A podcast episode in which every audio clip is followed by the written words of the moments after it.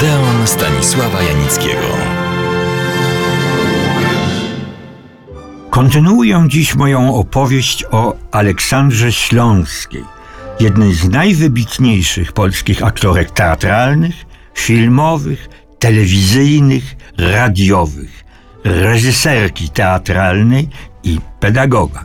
Świadczy to o wszechstronności jej działań, jej prac artystycznych. My ograniczamy się jednak przede wszystkim do twórczości filmowej i filmowo-telewizyjnej. Przed tygodniem przypomniałem jej dwa pierwsze filmy: Ostatni etap i Dom na pustkowiu. Ponieważ zagrała w 22 filmach, muszę ograniczyć się do najciekawszych i najlepszych. Dzisiejszy przegląd kontynuuję, przypominając jej rolę z tego zamierzchłego pierwszego okresu, dokładniej z lat 50.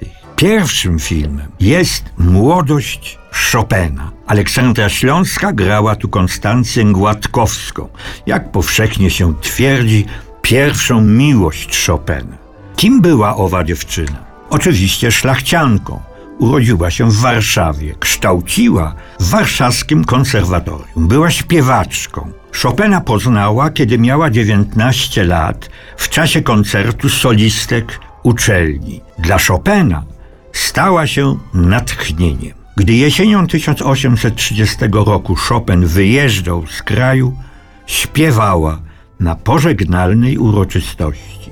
Korespondencja między zakochanymi urwała się po roku. W filmie Młodość Chopina młodzi poznają się w kościele podczas nabożeństwa, kiedy Chopin improwizuje na organach. Śląska gra Konstancję delikatnie, ich uczucie jest tylko sugerowane. Krytycy z całego grona aktorów chwalili przede wszystkim Czesława Wołejkę w roli tytułowej i Aleksandrę Śląską, kreującą postać Konstancji Gładkowskiej.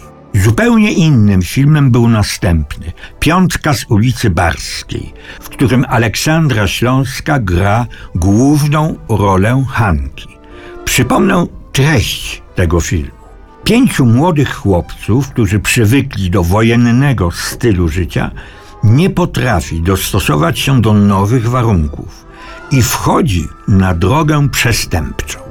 Stają przed sądem oskarżeni o kradzież. Ponieważ nie zjawił się świadek oskarżenia, otrzymują dwa lata więzienia z zawieszeniem. Opiekę kuratora sprawuje nad nimi robotnik Wojciechowski. Reedukację utrudnia działalność reakcyjnego podziemia. To ono żąda unieszkodliwienia owego świadka. Radziszewski, zwabiony przez chłopców do piwnicy, w czasie bójki wpada do wyrwy i zabija się. Odtąd nad chłopcami wisi to niechciane zabójstwo. Dwaj chłopcy otrzymują dzięki kuratorowi pracę przy budowie trasy WZ. Jeden z nich, Kazek, zakokuje się w Hance, dziewczynie pracującej jako kreślarz. Podziemie planuje wysadzenie w powietrze trasy WZ. Ma w tym wziąć udział piątka z ulicy Barskiej.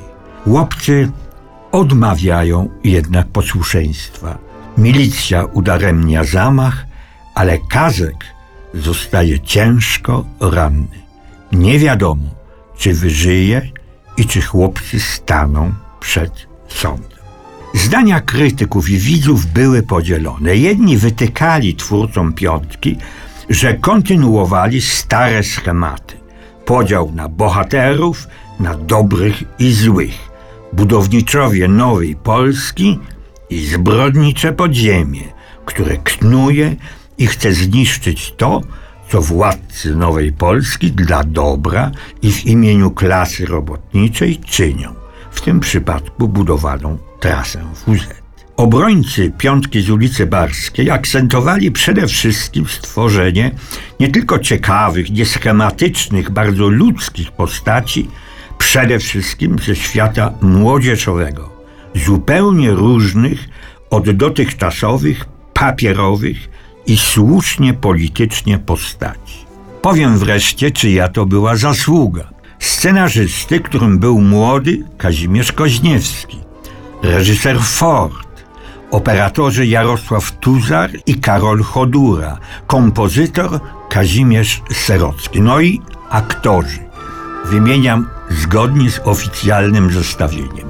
Na pierwszym miejscu Aleksandra Śląska oraz z męskiego rodu Tadeusz Janczar, Tadeusz Łomnicki, Włodzimierz Skoczylas, Mieczysław Sztor, Ludwik Benoit i inni. Z pań, właściwie dziewcząt, Ewa Krasnodębska, Zofia Małynicz, Hanna Skarżanka. Wszystkie te nazwiska pojawiały się na ekranie i na scenie przez wiele późniejszych lat.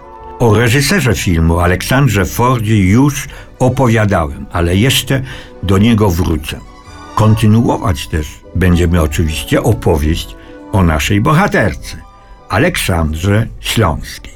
Teraz zapraszam Państwa serdecznie do następnego Odeonu, na zupełnie inny film, innej narodowości, o innej tematyce, zrealizowanego przez zupełnie innego, ale światowej klasy reżysera. Serdecznie zapraszam.